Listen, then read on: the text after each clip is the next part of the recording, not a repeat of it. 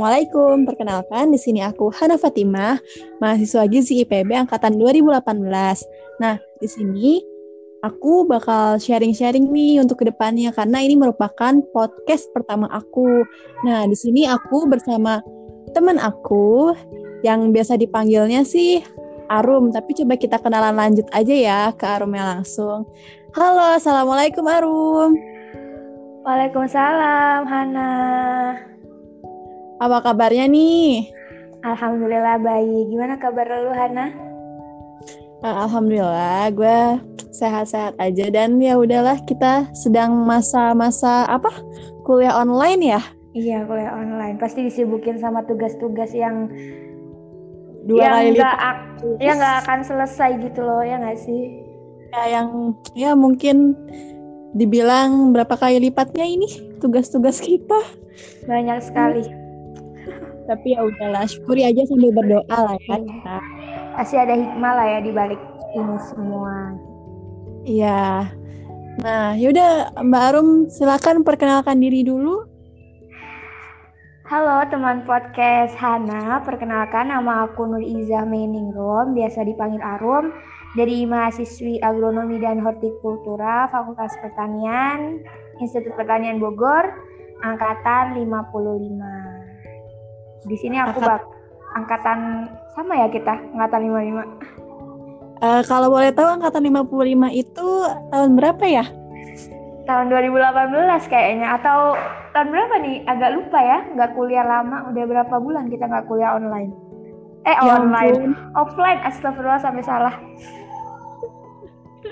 Ya udah. Gimana ya?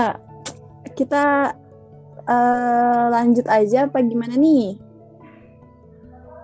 Boleh, boleh, boleh, boleh, boleh banget lanjut. Ya, eh, berhubung kita nih mau membahas kalau aku jadi aku eh, pengen ya, udah bukan hamil satu Ramadan lagi ya karena nanti malam tuh udah mau. Hmm, iya. Eh, coba deh kita sharing Ramadan kayak gimana aja sih dan apa yang harus kita lakuin apalagi di pandemi seperti ini gitu. Nah, menurut Mbak Arum sendiri eh, Ramadan tuh apa sih gitu? Eh, kalau menurut aku sendiri tuh Ramadan adalah bulan di mana kita diberi kesempatan untuk memperbaiki segala sesuatu yang kita lakukan, memperbaiki ibadah kita, memperbaiki tingkah laku kita melalui bulan suci ini. Kita kayak diajarkan untuk sabar kan, menahan amarah, menahan emosi, menahan apa ya, menahan lapar, dahaga dari dari apa tuh? apa sih namanya ya Allah sampai lupa Eh, Dari- imsak ya gak sih dari imsak sampai eh, kumandang azan maghrib itu berkumandang kayak gitu. Kayak itu melatih kita sebagai hamba Allah bahwa kita tuh nggak ada apa-apanya gitu. Dan di situ kita diuji. Ya nggak sih Han? Kalau menurut Hana sendiri Ramadan itu gimana? Iya, ini sih benar juga. Kalau eh emang benar emang itu benar. Juga terus selain kita melawan dari nafsu, eh hawa nafsu. Eh, kayak eh, dari makan, par haus dan kita juga diri dari hawa nafsu. Dan Ramadan ini juga kita kayak apa ya semua amal tuh dilipat gandakan sama Allah. Dan kita tuh justru kayak bersyukur banget nih sebagai umat muslim. Kita tuh punya bulan di mana bulan ini tuh ya setiap bahkan setiap detiknya itu ampunan setiap menitnya tuh baroko barokah itu Insya Allah banget ya bulan ini tuh. kan apalagi kan kita kan nggak tahu ya namanya umur ya kita tuh kayak Bener-bener. juga bisa ketemu lagi di Ramadan tahun ini ya insya Allah yang nanti malam amin, gitu ya Amin, amin. Bahkan udah ada yang sholat raweh tadi malam kan kalau nggak salah ya. Kalau misalkan lihat di info televisi. Iya. Tapi mungkin untuk kebanyakan umat muslim yang ada di Indonesia baru memulai eh, kegiatan sholat tarawih ini nanti malam. malam ya. Ya ikut pemerintah ya berarti ya nanti malam ya? Iya ikut pemerintah. Ya seperti itu yuk nah ini juga kita kayak gimana ya? Hal yang harus patut kita syukuri juga karena kan sekarang kan kita berada di masa pandemi. Nah kalau kita ngelihat umat muslim di seluruh dunia ini tuh kita ngeliat udah banyak banget yang ya yang meninggal karena virus ini gitu kan. Nah kayak banget kita tuh ya masih Allah berikan kesehatan, nikmat bisa bernafas sampai detik ini juga gitu kan. Kalau kita ngeliat orang-orang yang emang kena virus yang udah meninggal ya mereka nggak bisa nikmatin Ramadan tahun ini kayak gitu kan. Iya benar. Itu nah terus kalau misalkan menurut Mbak Arum sendiri uh, gimana sih hal apa ya hal-hal apa aja yang kita harus lakuin di Ramadan apalagi dalam masa pandemi seperti ini kayak gitu. Gimana, Mbak? Mungkin intinya kan berarti kita harus memperbaiki amal ibadah kita kan yang biasanya kita harus pat patut kita syukuri mungkin adanya pandemi ini. Salah satunya kan kita lebih dekat sama keluarga, kita bisa punya banyak waktu bareng keluarga yang mungkin biasanya kalau misalkan kita kuliah offline itu kita banyak menghabiskan waktu untuk kegiatan-kegiatan kampus gitu. Dan adanya pandemi ini membuat kita uh, harusnya lebih baik lagi dalam dalam melakukan segala ibadah entah itu membaca Al-Quran itu udah pasti gitu kan yang mungkin biasanya cuma dua lembar ayo kita tingkatin lagi nih jadi satu hari satu juz kalau bisa. Sehingga dalam satu bulan itu tuh cukup gitu 30 hari sama dengan 30 juz. Jadi dalam bulan Ramadan uh, harapannya sih kita semua bisa hatam Al-Quran gitu. Dan pastinya perbanyak zikir, perbanyak sholawat dan kalau misal dan perintah uh, anjuran anjuran. Anjuran pemerintah adalah kita sholat raweh di rumah kan. Pergunakan waktu itu untuk sholat raweh berjamaah dengan keluarga walaupun mungkin ada di antara kita juga masyarakat Indonesia yang masih menjalankannya bersama di musola. Tapi sarannya kalau misalkan memang uh, kawasannya mungkin udah zona merah sebaiknya di rumah. Tapi kan uh, di rumah itu masih banyak orang ya jadi masih bisa berjamaah gitu. Intinya melakukan hal-hal yang positif gitu. Entah hablum minallah ataupun hablum minannas intinya memperbaiki diri sih. Masya Allah banget ya Allah. Ya amin ya Allah. Semoga kita bisa lebih meningkatkan lagi ya dan sebenarnya Uh, ini gak sih uh, kayak mungkin kalau menurut aku ya itu kayak itu pelajaran juga bagi kita kayak tahun-tahun sebelumnya mungkin kita di Ramadan tahun sebelumnya tuh uh, masih banyak seperti hal yang ditinggalkan atau kayak gimana kan kalau misalkan ada bukber otomatis kita belum tentu sholat tarawihnya tepat waktu. Nah, terus kalau misalkan eh, banyak juga tuh yang misalkan Ramadan orang-orang di luar sana yang mungkin dia bukbernya juga entah dia jalan sama pacarnya atau seperti apa kayak gitu. Jadi ya, kayak emang aku juga ngerasa ini kayak uh, dalam menurut apa ya adanya pandemi ini juga kayak pelajaran bagi kita semua kayak gitu. Kan kalau kayak gini orang-orang pada wah kangen nih sholat taraweh di masjid kayak gini gini gini tapi sedangkan banyak orang yang malah kalau udah dinikmat buat sholat taraweh di masjid malah digunakan buat kayak entah bukbernya tuh uh, sampai tarawehnya nanti nanti aku juga ngerasa sih karena aku juga ya ikut bukber gitu kan. Ya tarawehnya nanti nanti kan ya nggak sih? Tapi tergantung juga sih kalau misalkan emang kita bisa jamaah gitu bareng-bareng bukbernya kayak gitu. Kayak emang uh, itu sih contoh salah satu contohnya. Kak kadang yang aku renungin juga ya cuman ya sedih juga ya karena kalau misalkan kayak gini kita nggak bisa kayak itikaf nggak sih gitu kan? Iya benar benar benar yang, aku sedihnya tuh ya itu kita tuh kurang bisa itikaf yang nanti kan ada 10 malam terakhir Ramadan kayak gitu dan pastinya Ramadan kali ini sih menurut aku pasti beda dari tahun-tahun sebelumnya kan. Segala sesuatu yang kita lakukan mungkin akan jauh berbeda dan kita benar-benar merindukan Ramadan-Ramadan tahun lalu. Jadi kayak Ramadan tahun ini tuh pembelajaran buat kita gitu. Waktu tuh nggak bisa diulang gitu. Ya nggak sih? Jadi harus pergunakan waktu sebaik mungkin. Ya walaupun kita sebagai manusia pasti ngelakuin kesalahan dan pasti penyesalan itu datangnya memang terakhir ya nggak sih? Iya. Iya aku juga suka ngerasa kayak gitu. Ya ampun. Kayak akhir-akhir ini aku kayak ngerenungin ya Allah Ramadan sekarang gak kayak tahun lalu. Apalagi tahun lalu kita masih sama-sama di asrama kan ya? Iya mas ya, ya Allah itu tuh yang selalu aku uh, apa ya?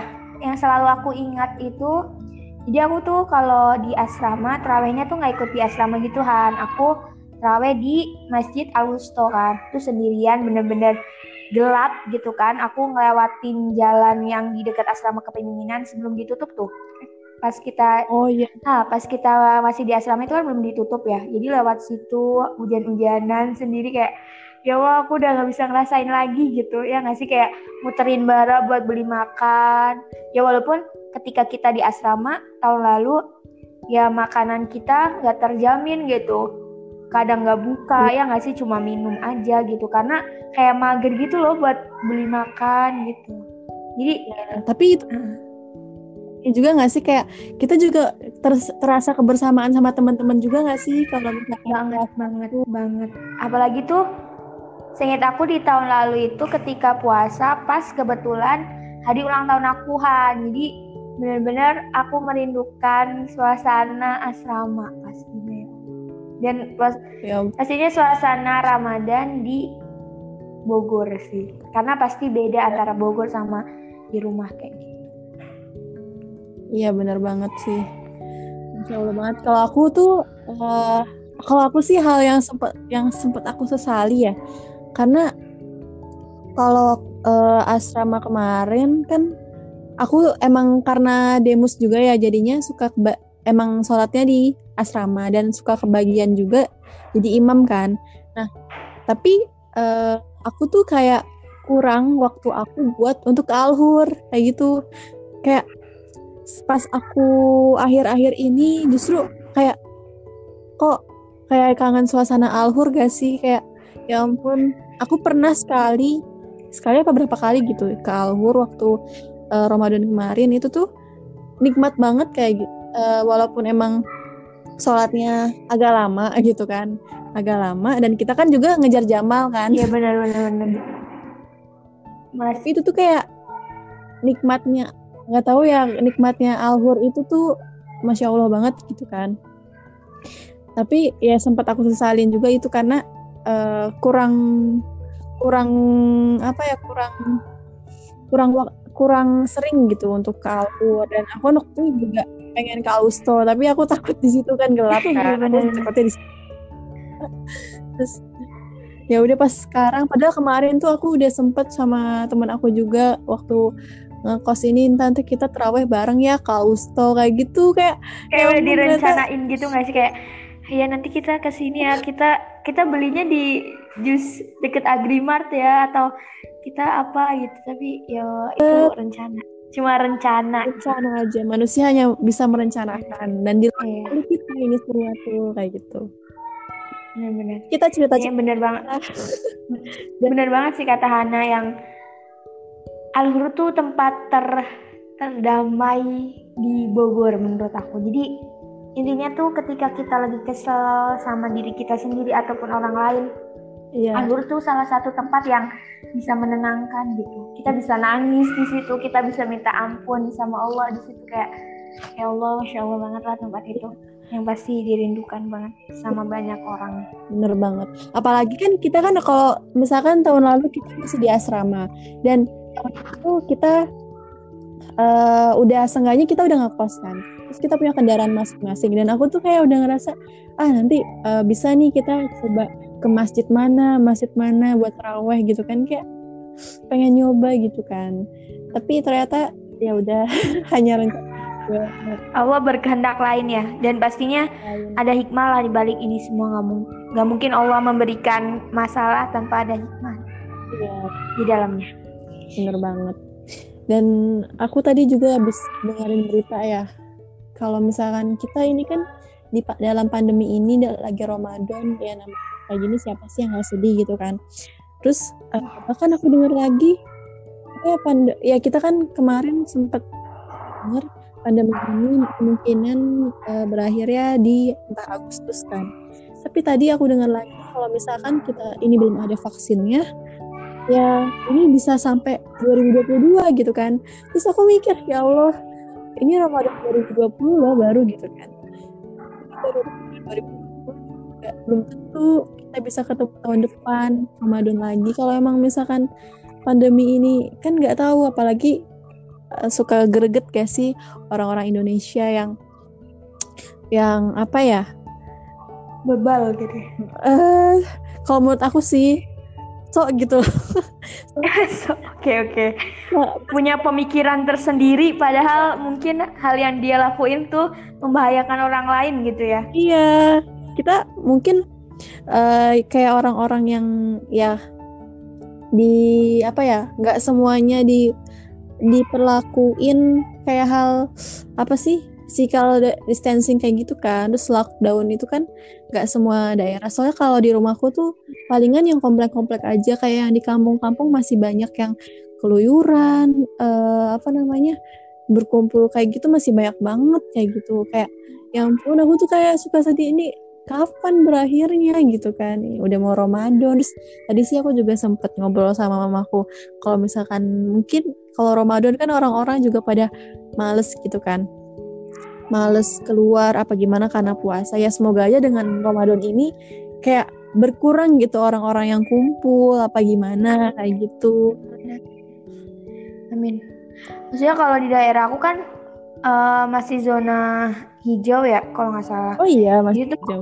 Iya masih hijau. Jadi kehidupan di sini tuh sebenarnya masih sama kayak kayak biasanya gitu loh Han. Cuma oh. uh, aku juga kesel gitu sama orang-orang yang masih kumpul sama temen-temennya yang pulangnya nyampe malam gitu.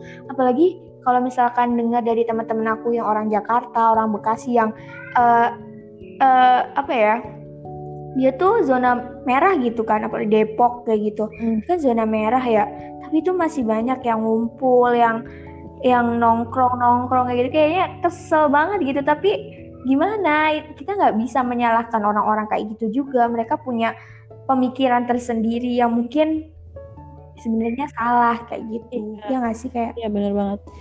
Yang sebenarnya ada yang nggak tahu ya kita mau nyalain siapa ini juga. Karena hmm uh, kalau misalkan ngelihat dari uh, apa ya penc mata pencarian ekonomi juga dengan kayak gini orang bahkan kemarin ada yang meninggal karena gak makan empat hari kan? Karena emang ya mau gimana gitu kan udah nggak boleh jualan jualan kayak gitu. Terus dia nggak bisa nggak bisa nggak bisa dapat uang kayak gitu sampai kelaparan empat hari akhirnya meninggal. Tahu nggak yang berita itu ada di enggak, enggak. Kurang tahu kalau yang meninggal empat hari itu deh. Iya kak ibu uh, gak makan empat hari seorang ibu. Anaknya berapa? Itu di mana itu? Daerah oh Tangerang Tangerang. Ya Allah innalillahi itu dia gak bisa nggak makan empat hari karena ya itu karena ya mau pendapatan dari mana? Kayak sekarang yang di luar juga tukang-tukang jualan gojek di TV juga kan di Tanah Abang padahal udah ditutup Tanah Abang tuh uh -uh. Pak. Tapi kak uh, masih ada masih ada pedagang yang ngebuka kiosnya. Terus pas ditanya ya saya kalau misalkan nggak kayak gini saya udah dua minggu apa dia bilang. Dua minggu nggak dapet penghasilan sama sekali mau makan dari mana? Kadang ya bingung juga kan kalau udah kayak gitu. Kayak iya. kita bukan itu tapi kasihan juga orang-orang yang seperti itu kan. Terus kalau misalkan dilihat dari pemerintah mungkin udah ngasih ke apa ya ke orang-orang yang membutuhkan tapi mungkin kurang merata datanya gitu ya jadi masih ada orang yang uh, kurang gitu nggak dapat jadinya gitu. kalau aku ngeliat Jakarta sih Pak Anies Baswedan udah bagus banget itu uh, ngasih distribusi setiap, bantuannya ya iya setiap anggota keluarga enam ratus ribu ya selama tiga bulan pokoknya uh, kemarin wow.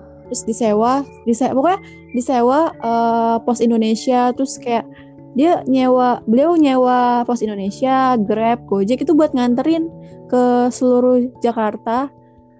Pokoknya satu keluarga dapat 600 ribu. Tapi pas di, dibilang juga nggak hanya Jakarta kata Jabodetabek. Tapi kan aku kan Bekasi ya kayak iya.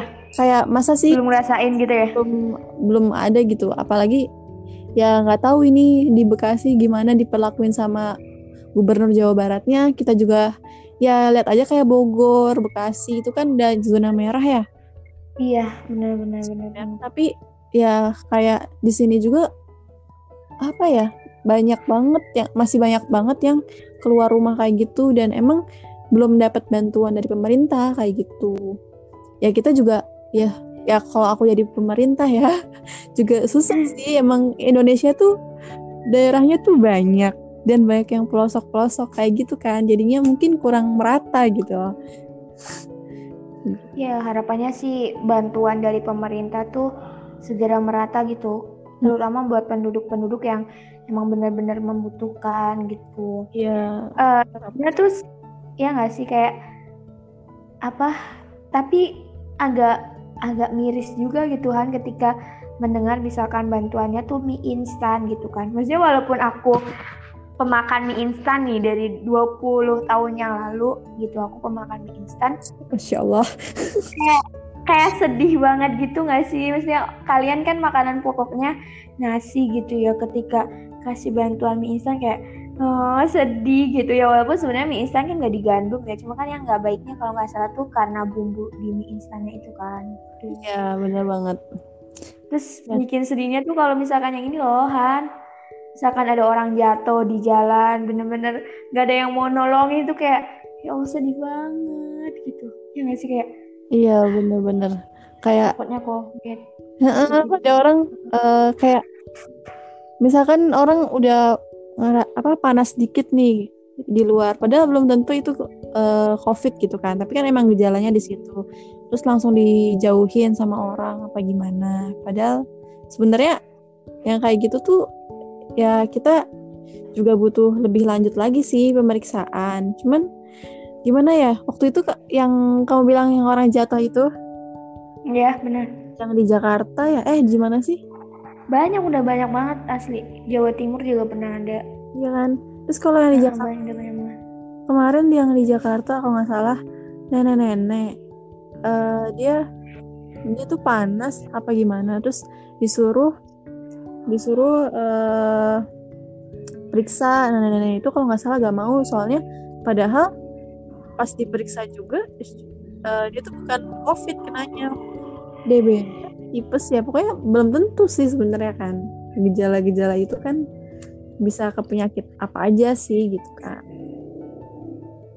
Ya itulah. Terus kita ini kan kita uh, bahas COVID, uh, tentang COVID-nya ini nih. ya. Nah, sekarang uh, gimana ya? Persiapan penting menurut Mbak Arum nih, persiapan penting kita menyambut bukan menyambut juga sih udah emang menyambut dan sekaligus kita menjalankan ibadah Ramadan. Seperti ini tuh apa aja sih Mbak? Kalau dari aku utamanya itu minta maaf ya ke orang-orang karena kan eh, nggak tahu gitu apa ucapan kita, apa perilaku kita yang yang mungkin bisa menyakiti hati orang lain kayak gitu. Jadi mungkin untuk memulai kita dalam memulai kita gimana sih?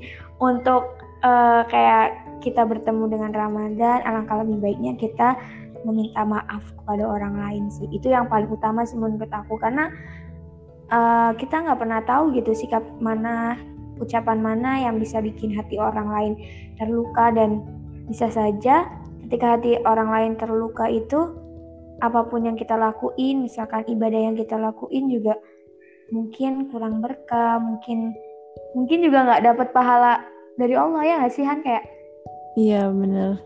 Iya bener. gitu.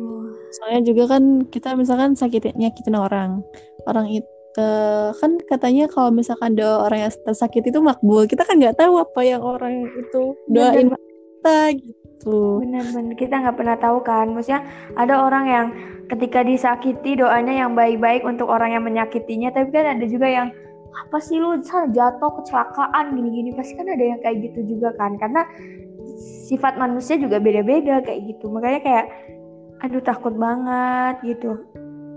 Iya ambil benar. Contoh ah, ambil contoh misalkan nilai kita lagi jatuh nih nilai matkul apa gitu kita lagi jatuh terus mikir apa aku punya salah sama orang ya? Apalagi ini eh, kita mau menyambut bulan suci Ramadan yang eh, apa yang Hana bilang tadi apa pun yang kita lakukan eh, pahalanya di ber, dilipat gandakan gitu kan.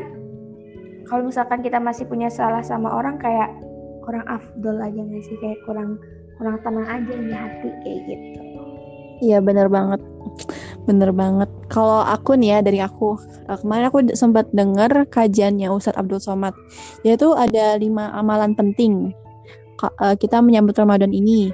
Nah, yang pertama itu kita ya bener yang kata Mbak Arum, kita eh, apa namanya minta maaf ke orang. Dan juga di samping kita minta maaf itu kita juga perbaiki hubungan sama Allah dengan taubatan nasuha. Jadi kita udah kita minta maaf ke orang dan kita bertaubat gitu.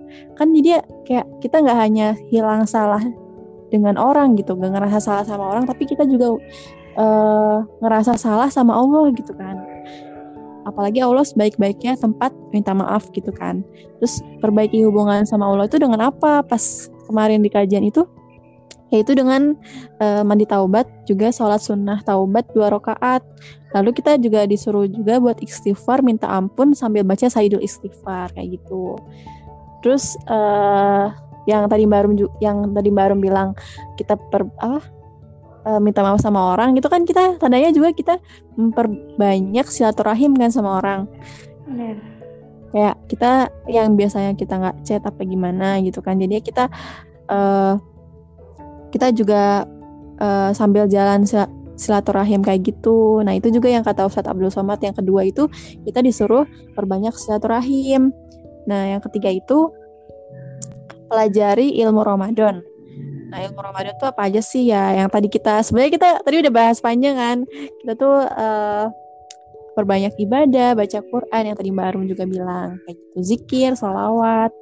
Terus kita juga eh, yang keempat katanya Ustadz Abdul Somad itu kita mendekati Al-Quran yang tadi kita juga udah bahas kayak gitu. Dan selain kita baca Al-Quran juga kita juga eh, mentadabburi Al-Quran itu sendiri kayak gitu.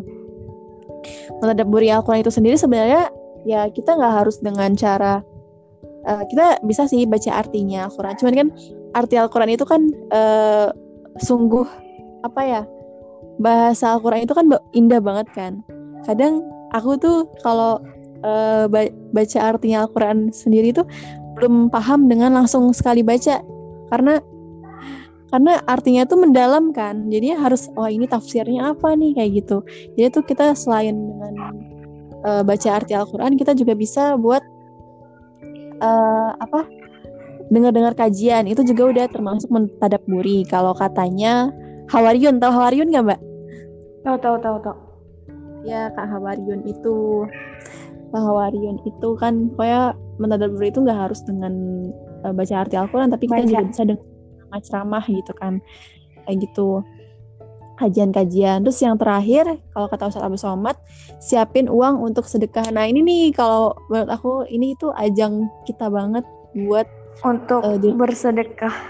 Sedekah karena juga di eh, apalagi dalam masa pandemi kayak gini kan kita banyak banget orang yang kekurangan dan kita tuh kayak eh, bantu aja gitu bantu ke siapa pun. Bantu dengan entah uang atau makanan kayak gitu yang semampu kita gitu.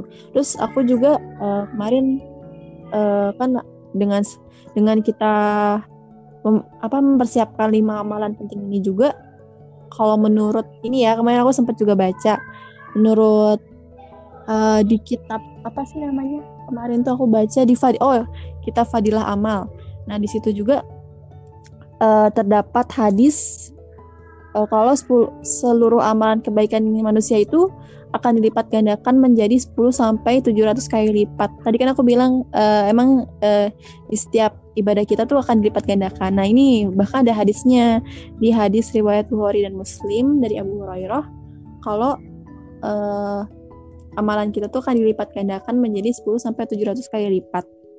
Subhanallah banget ya. Jadi kita harus berlomba-lomba nih ya buat eh, melakukan ibadah. Tapi Iya. niatnya untuk Allah, bukan untuk orang lain gitu. benar benar banget Benar. itu yang Kan, pertama karena salahnya kita kayak anak-anak muda zaman sekarang tuh ya bukan seuzon ya, cuma kayak pikirnya takutnya niat mereka ketika melakukan sesuatu tuh bukan karena niat untuk Allah gitu, tapi untuk Iya. hal-hal yang lain.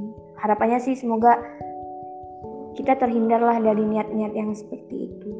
iya benar banget bener banget niat tuh yang pertama banget gak sih itu tuh Benar-benar. Terus itu kan kalau di hadis itu tuh disebutin seluruh amalan kebaikan manusia akan dilipat gandakan menjadi 10 sampai 700 kali lipat. Tapi Allah Taala tuh berfirman di situ kecuali puasa karena sebab pahala puasa adalah untukku dan aku sendiri yang akan membalasnya.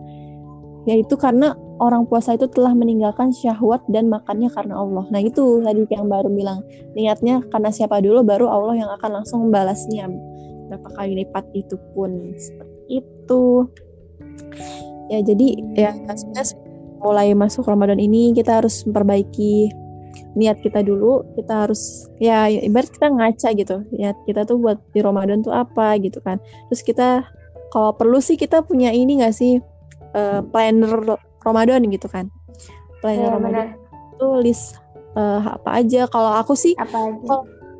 Kalau menurut aku kan kalau planner kan harus kalau kan kebanyakan sekarang planner digital ya dan Iya. eh, yang banyak dikirim anak-anak tuh. Iya kalau kalau aku sih dari aku sendiri digital aku tuh harus di print gitu. Orangnya harus bisa langsung ditulis gitu. Kalau eh, saran aku kalau misalkan orang-orang yang nggak bisa dengan eh, planner digital atau gimana menurut aku sih ikut sebuah grup yang bakal reminder kita gitu. Reminder kita buat ngelakuin hal-hal seperti itu kayak gitu terus benar benar ya. Ya, Kita- semoga kita selalu dikelilingi sama orang-orang yang selalu mengingatkan kita aja ya Han. mm-mm, Kita kita namanya manusia kan nggak ada yang tahu gitu. Pasti naik turun dah iman, iya bener banget tingkat keimanan.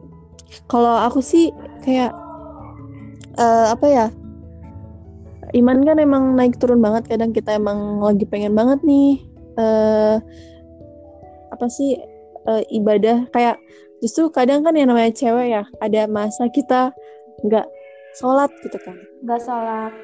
kadang justru aku ngerasa eh, emang sih kalau nggak sholat tuh malah kita malas-malesan gitu kan.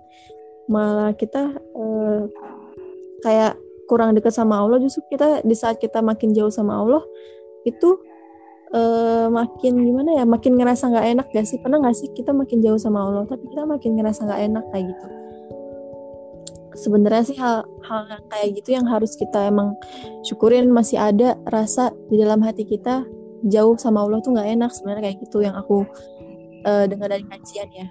Terus eh, apa namanya?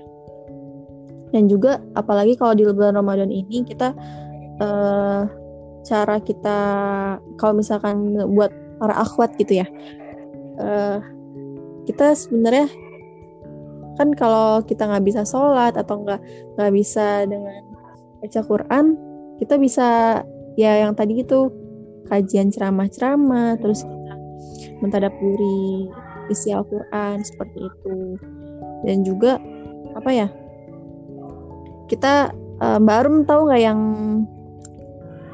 yang Apa? tiga bagian bulan Ramadan itu yang bulan Ramadan terbagi jadi tiga Yang 10 hari pertama. Iya Iya, nah, bukan sih. Iya. Yang pertama, yang tengah sama yang akhir ya kalau nggak salah. yang 10 hari pertama itu rahmat kan ya Heeh. rahmat itu juga ya kemarin aku sempat baca di kitab Fadil Amal itu yang 10, ha- 10 hari pertama itu rahmat diturunkannya rahmat yang kedua itu maghfirah ya kalau nggak salah Maghfirah. ampunan dan katanya sih kalau eh di menurut kitab itu tuh kayak ini tuh pertama 10 hari pertama itu rahmat karena diturunkannya rahmat bagi orang-orang yang emang senantiasa kayak eh, taat sama Allah kayak gitu. Nah, kalau yang kedua 10 hari yang eh Tengah. 10 hari yang kedua Ramadan itu diturunkannya maghfirah atau ampunan tuh Ampunan. buat orang-orang yang emang eh yang namanya manusia ya suka buat buat salah apa gimana yang orang yang banyak ngelakuin salah dosa itu maghfirah ampunannya tuh ada di 10 hari yang eh, 10 hari yang kedua. Kedua. Dan yaitu kebebasan dari api neraka ini tuh kalau yang 10 hari terakhir tuh masih sih.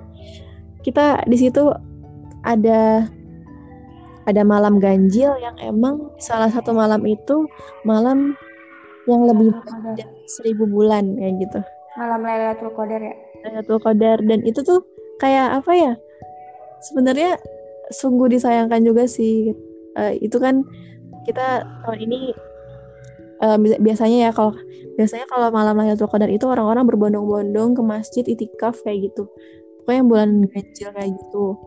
Nah kalau makanya yang agak yang suka sedihnya gitu di tahun ini tuh kayak gitu. Kita wah Lailatul Qadar berarti kita di rumah aja nih kayak gitu. Karena malam itu kayak malam yang bener-bener tenang. Iya. nggak dingin nggak panas. Iya dan terus semua tenang aja gitu semua kat- semua makhluk Allah merunduk gitu. Sampai pohon-pohon tuh merunduk. Pokoknya katanya sih kalau mau kan kita nggak tahu ya mal- malam Lailatul Qadar itu malam ganjil yang keberapa gitu kan. Mm-mm. tapi kita bisa ngeliat ciri-cirinya. Pokoknya kalau nggak salah salah, salah satu ciri-cirinya itu eh, pohon-pohon itu pada merunduk nunduk kayak gitu ke bawah. Itu tandanya tandanya tuh kita eh tandanya itu eh, bersujud kepada Allah kayak gitu. Ya intinya tuh posisi kayak pohon tuh posisi tenang. Mereka nggak nggak apa ya mengeluarkan angin yang biasanya kenceng lah atau apa pun itu kan kalau nggak salah ya kalau Iya, bener-bener. Dan malam itu malam malam itu tuh kalau nggak kalau nggak salah juga eh, ini nggak sih eh, cuacanya apa? Bukan cuaca, terang apa sih? Malam Ah, gimana Ya. malam cerah, nggak gelap gitu gimana sih ya cerah gitu ya. Bener-bener suasana yang diinginkan orang-orang lah maksudnya kayak bener-bener bener tenang sunyi sepi terus juga nggak gelap gitu loh kayak kayak penuh dengan cahaya-cahaya Iya, bener banget. Bener banget itu. Pokoknya kayak eh, ngerinduin banget malam itu dan yang emang kita posisinya kita bisa ya kita bisa ke masjid kayak gitu. Kan kalau malam nggak tahu ya kita aku sih kayak ya Allah semoga emang gimana ya kayak ya Allah emang semoga semoga pandemi ini tuh bener-bener bisa berakhir gitu loh di secepatnya. Ya Allah kayak aku mikirnya tuh yang positif sekarang kan udah nyampe 4000 lebih ya. Apa udah 5000 malah aku nggak tahu. Ribu satu ribuan kan? Dan mu- mungkin mau mencapai 5000 kayak ya Allah ini orang orang sebanyak ini gimana nasibnya kayak gitu? Walaupun ya pasti setiap orang pengen pengen selesai gitu pandemi ini. Dan semoga cepat ditemukan vaksin itu ya vaksin buat bener. virus ini dan Iya dan bener. 4000 orang it- 4000 jiwa orang penduduk Indonesia ini tuh semoga terselamatkan semua gitu. Karena di awal itu bukan jumlah yang sedikit gitu kan. Banyak banget itu baru di Indonesia masalahnya kan? Baru di Indonesia. Belum di luar negeri kayak gitu. Apalagi sekarang yang udah emang ini 200 berapa negara tuh? 206 negara ya? Kalau misalkan kita bandingkan berapa tahun yang lalu ya yang uh, ada sebelumnya virus virus apa gitu juga ada tapi cuma di negara Eropa aja. Dan kita tuh Iya, di saat itu kita masih dijajah oleh Jepang kalau nggak salah. Jadinya tuh kita mungkin karena penjajahan Jepang, jadinya eh, apa namanya? Kita nggak tahu kan di situ belum ada gadget apa gimana. Kita nggak tahu info itu ternyata pernah juga kayak gini. Tapi yang di lockdown tuh cuma yang negara Eropa. Dan sebelumnya juga ada lagi. eh, eh apa sesudah itu ya? Flu. Tahu nggak? Pertama kali itu tahun iya tahu tahu Itu juga 2000 2013 apa 2012 ya virus flu bukannya tahun 19-an ya? Eh tapi ada yang tahun 2000-an tahu setahu aku Oh iya. itu juga cukup cukup mematikan cuma nggak se seheboh ini gitu loh bukan nggak se hype ini gitu Iya benar. Dan kalau misalkan waktu itu flu itu kita udah ada udah ada obatnya gitu. Apalagi sekarang obatnya juga ada di warung kayak gitu kan. Obat flu itu sendiri. Kalau ini tuh kayak emang sulit banget gitu. Tapi yang aku pernah pernah ini juga sih uh, pernah dengar ya uh, cerita ini ini tuh sebenarnya mungkin virus ini kan ada yang nemuin tapi kan sebenarnya ini Allah yang udah nakdirin kan tapi hmm. sebenarnya ada yang merencanakan di balik ini semua gitu iya dan isunya kayak gitu ya ya gitu kita nggak tahu kan ya, ya mungkin katanya sih juga karena emang nggak suka sama Islam apa gimana? Kayak gitu. Emang udah menggarap keuntungan dari situ. Tapi kalau iya. misalkan kita lihat juga uh, aku dengar dari podcastnya uh, Kak Konit ya di situ kalau misalkan dihitung dari semua negara Indonesia yang terjangkit ini justru yang kebanyakan meninggal tuh justru orang kafir gitu bukan orang yang bukan Islamnya. Itu dia udah kayak emang ngitung kayak gitu kan uh, kalau emang penduduk uh, Islam di dunia ini tuh segini gini gini berarti kalau yang meninggal tuh segini gini apalagi negara-negara tuh banyak kan yang itu yang terjangkit tuh negara bukan negara Islam. Berarti kan yang meninggal banyaknya yang bukan Islam gitu. Kayak gitu. Yeah, semoga kita saudara seiman semuslim uh, se Indonesia baik di Indonesia satu Indonesia satu IPB semoga selalu dilindungi ya iya amin ya. dari ya. virus ini dan ya. kemarin juga harapannya apa gimana gimana gimana mau disebut say kemarin kan juga ini kan lab IPB kita uh, apa penelitian tentang ini ya? Oh Jadi, yang sama UI ya? Bukan ya, yang atau, oh, penelitian yang oh, 200 yang terbaru. Iya. Yang terbaru kan. Nah, ya sudah pas sampel virus itu. Tapi aku nggak kurang tahu sih itu menghasilkannya gimana. Aku juga nggak kurang ngerti itu kayak gimana sih Mbak? Paham tuh takut kalau ngomongin kayak gitu salah nggak sih kayak. Ya siapa tahu aja sih aku sih berharap itu emang diteliti tapi uh, semoga dengan penelitian itu sebenarnya sebelumnya udah ada sih universitas yang neliti itu Nair. Yang udah neliti. Sebelum kita ya? Dan sebenarnya Indonesia telat banget gitu kalau kata ayahku ya. Ini telat banget uh, buat neliti karena sebelumnya udah ada Cina yang duluan neliti dan Cina sebenarnya udah menemukan vaksinnya. Cuman karena kita juga takut ya uh, takut karena itu dari negara Cina. Kita kurang tahu gitu ya gimana belakang uh, eh, seluk beluknya katanya sih waktu itu sempat mau diperjualbelikan akhirnya vaksinnya. Cuman kurang tahu lagi deh. Karena mungkin kita masih takut juga karena virus ini juga berawal dari Cina yang udah nemuin vaksin Cina gitu kan. Iya maksudnya udah lama kan katanya vaksin tuh udah ditemuin di negara itu. Iya. dan waktu itu kan he, uh, uh, orang Indonesia juga udah kayak gembira gitu nggak sih? Kayak vaksin udah ditemuin, vaksin udah ditemuin kayak gitu kan? Iya, tapi ya namanya kita juga harus kita harus ini juga nggak sih? Kita harus aware juga kan kita nggak tahu gimana gimananya dan itu kan negaranya bukan negara yang Muslim gitu kan? Kita nggak tahu. Iya, takutnya bahan-bahannya kita nggak tahu juga ya. Iya, benar banget. Dan se setelah Cina juga yang udah neliti Amerika kalau nggak salah. Dan sebenarnya yang tahu satu-satunya tentang vaksin ini tuh yang emang orang yang menciptakan virus ini sendiri sebenarnya gitu kan. Tapi kan ya namanya yeah, iya, iya, masa iya dia membongkar. Siapa yang berbuat siapa yang berbuat dia yang tahu ya nggak sih? Iya bener banget. Ya Allah semoga aja cepat. Amin, amin ya Allah. Hmm. Harapannya sih Ramadan maksudnya inget gak eh kalau ini di daerah aku ya. Aja. Di daerah aku tuh tadi kan kamu eh tadi kan Hana tuh nyebutin bagian dua hari kita kayak rasa sedihnya di Ramadan misalnya dalam ini daerah daerah lain tuh juga itu 10 hari pertama itu masih banyak orang gitu datang buat tarawih buat buat tadarus bersama kayak gitu. Nanti kalau misalkan udah apalagi 10 hari ketiga itu benar-benar jamaah tuh dikit banget gitu. Itu yang bikin aku sedih sih harapannya adanya pandemi ini bulan Ramadan uh, udah nggak kayak gitu lagi gitu. Udah nggak males-malesan buat ibadah. Mereka cuma semangat di awal di akhir-akhirnya mereka ya udah biasa aja kayak gitu. Harap ya pandemi ini uh, mereka tetap selalu semangat buat iya.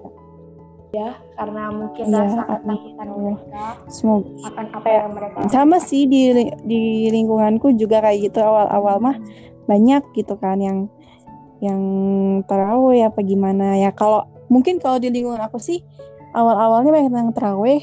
Karena emang kan orang-orang di sini kan emang Jabodetabek ya. Kalau misalkan udah eh, apa minggu kedua minggu ketiga itu udah pada mudik kayak gitu. Kalau di sini mah ya. Sepinya karena mudik cuman eh, oh iya kalau benar aku kan aku kan kampungnya Jakarta. Karena mudik nggak sih Han? Sama aja biasanya. Ya, oh sekali. Jakarta oke. Dan anak ya Jakarta asli. mikirnya sih kalau misalkan emang tapi sih kadang suka sedihnya tuh justru yang datang tuh bukan anak muda gitu loh. Yang yang datang tuh malah ibu nenek-nenek gitu yang emang udah tua-tua Hmm. kayak ini anak mudanya pada ke mana tuh ya? Kayak gitu. Sebenarnya aku sih apa? Benar benar benar benar kayak ya kayak iya sama sih kayaknya setiap daerah kayak gitu nggak sih? Kayak yang berlomba-lomba nggak cuma di bulan Ramadan deh di bulan-bulan biasanya aja gitu. Pasti tuh orang-orang yang maaf ya udah berumur itu yang mereka di garda terdepan sholat jamaah gitu dibandingkan anak-anak muda gitu yang mungkin pemikiran mereka eh, salah pemikiran mereka tuh kayak udah sih aku Iya, masih benar-benar. dia pasti umur aku masih Ya. panjang kayak gitu masih kayak iya padahal kita juga nggak tahu umur ya kayak Iya, gimana iya, mungkin pemikirannya kayak gitu dan aku juga bersyukurnya gini loh eh, kayak Iya. sebenarnya pandemi ini juga pelajaran juga sih kan kayak orang eh, mungkin di sana banyak yang keluar entah bermaksiat di luar apa kan kalau udah kayak gini kan kita ya udah nggak bisa ketemu apa gimana gitu kan. Kayak buat maksiat boro-boro buat maksiat kita aja. Ketemu yang emang cuman misalkan berdua gitu kan udah takut gitu kan. Deket-deket mana ya apalagi yang berbuat maksiat. Cuman ya mungkin nggak Mhm. tahu ya maksiatnya kan. Bisa jadi kalau dengan kayak gini maksiatnya dengan cara lewat gadget kayak gitu. Tapi kayak mendekati Ramadan juga ya semoga aja bisa bisa kurangi kayak gitu. Iya benar banget ya. Bahkan me- Ah. menghilangkan harapannya. Iya pernah juga ngerasain kan ya. Karena itu godaan anak Aku muda juga pernah. pasti. Oh.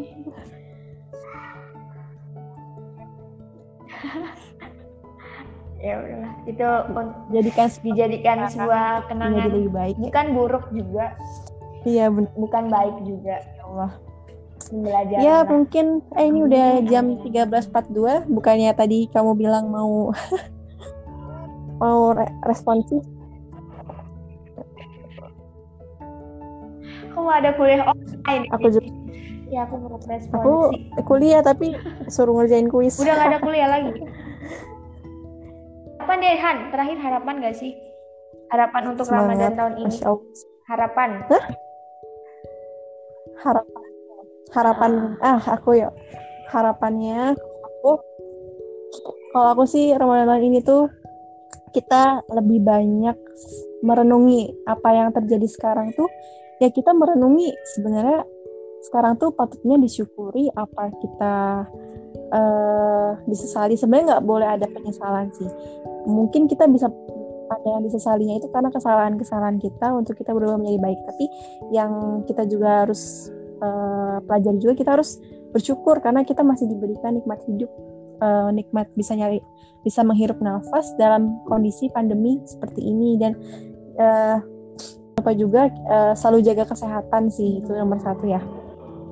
Pokoknya jaga kesehatan dan eh, perbaiki niat eh, kayak gitu untuk eh, menjadi lebih baik. Dan semoga aja juga eh, dengan pandemi ini dengan Ramadan ini bukan hanya pas pandemi atau Ramadan ini kita tuh balik ke Allah tapi nanti selanjutnya setelah semua ini berakhir pandemi ini berakhir ya semoga aja uh, kita tuh keluar rumah jadi diri kita yang seperti anak baru lahir kayak gitu. Kayak kan anak lahir kan itu suci ya. Kita kayak udah pelajari tentang agama lebih dalam melalui Ramadan ini melalui pandemi ini ya gitu.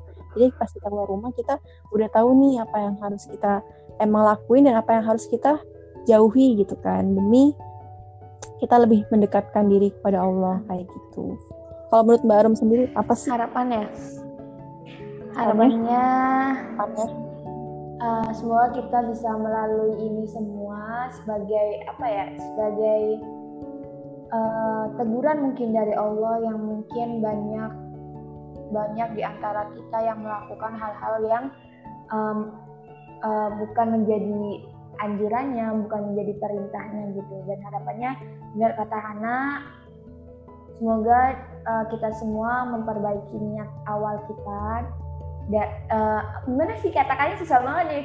Lu grogi nih ya Allah jadi intinya perbaiki niat uh, ketika kita melakukan sesuatu itu lillahi ta'ala karena Allah bukan karena orang lain kayak gitu. Dan semoga bener banget apa kata Hana baik kita di bulan Ramadan kita di uh, di apa ya dihadapi dihadapkan dihadapkan dengan pandemi ini semoga um, ya Allah kata-katanya susah bang ini ya perbaiki niat terus yakin bahwa ada yang maha besar untuk menyelesaikan ini semua yaitu Allah. Jangan pernah takut karena tidak ada yang pernah bisa melawan kehendak Allah gitu kan. Uh, dan apa pun yang Allah berikan ke kita itu pasti ada uh, ada hikmahnya. hikmahnya. Dan seperti yang kita tahu semua bahwasanya uh, apa pun yang Allah berikan ke kita apa pun cobaan yang Allah berikan ke kita itu sesuai dengan kemampuan hambanya gitu. Jadi berarti ketika kita dihadapkan dengan pandemi ini itu Allah udah tahu gitu kalau kita tuh mampu menghadapinya gitu. Kita uh, bukan kan kita bukan makhluk yang lemah juga kan. Kita berharap berdoa buat orang-orang yang mungkin jauh lebih pandai dari kita. Um, kayak profesor peneliti dan lain sebagainya segera menemukan segera menemukan vaksin ini. Dan uh, harapannya sebelum Idul Fitri kita udah uh, kita udah gak dihadapkan dengan hmm. pandemi ini gitu. Karena kebanyakan Idul Fitri yang biasanya kita berkumpul dalam satu tempat buat uh, sholat id bersama terus selanjutnya kita bersilaturahmi sama sanak saudara yang mungkin jauh udah udah lama nggak ketemu gitu. Kayak kalau tahun ini nggak merasakan hal itu kayak ya Allah sedih banget gitu. Ya nggak sih kayak udah ya. udah nggak bisa dibayangin gitu. Dan semoga kita umur kita sampai sih sampai sampai di Ramadan-Ramadan berikutnya. Aduh, bahasa gue nggak bagus banget, nggak baku banget. Nggak apa-apa, kita ini podcast pertama kita. Jadi, okay. jadi masih masih so, dikit gak apa-apa lah ya.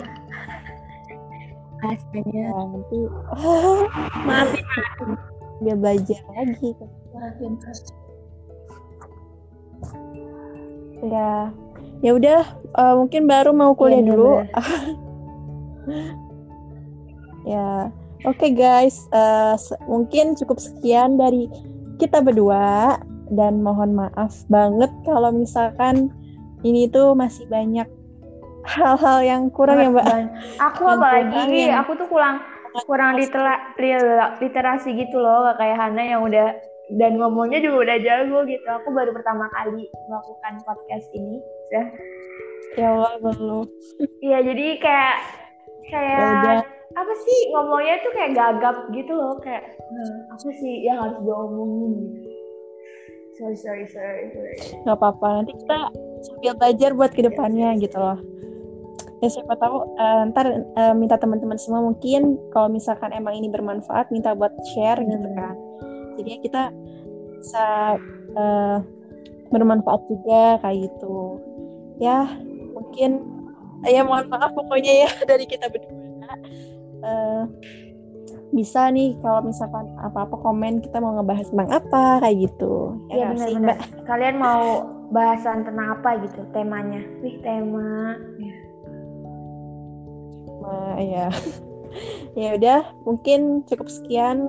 Jangan lupa jaga kesehatan. Jangan lupa perbanyak ibadah. Marhaban marhabannya ramadan. Maafkan kesalahan kita ya guys. Ya mohon maaf. Ya udah mungkin cukup sekian dari kita. Wassalamualaikum warahmatullahi wabarakatuh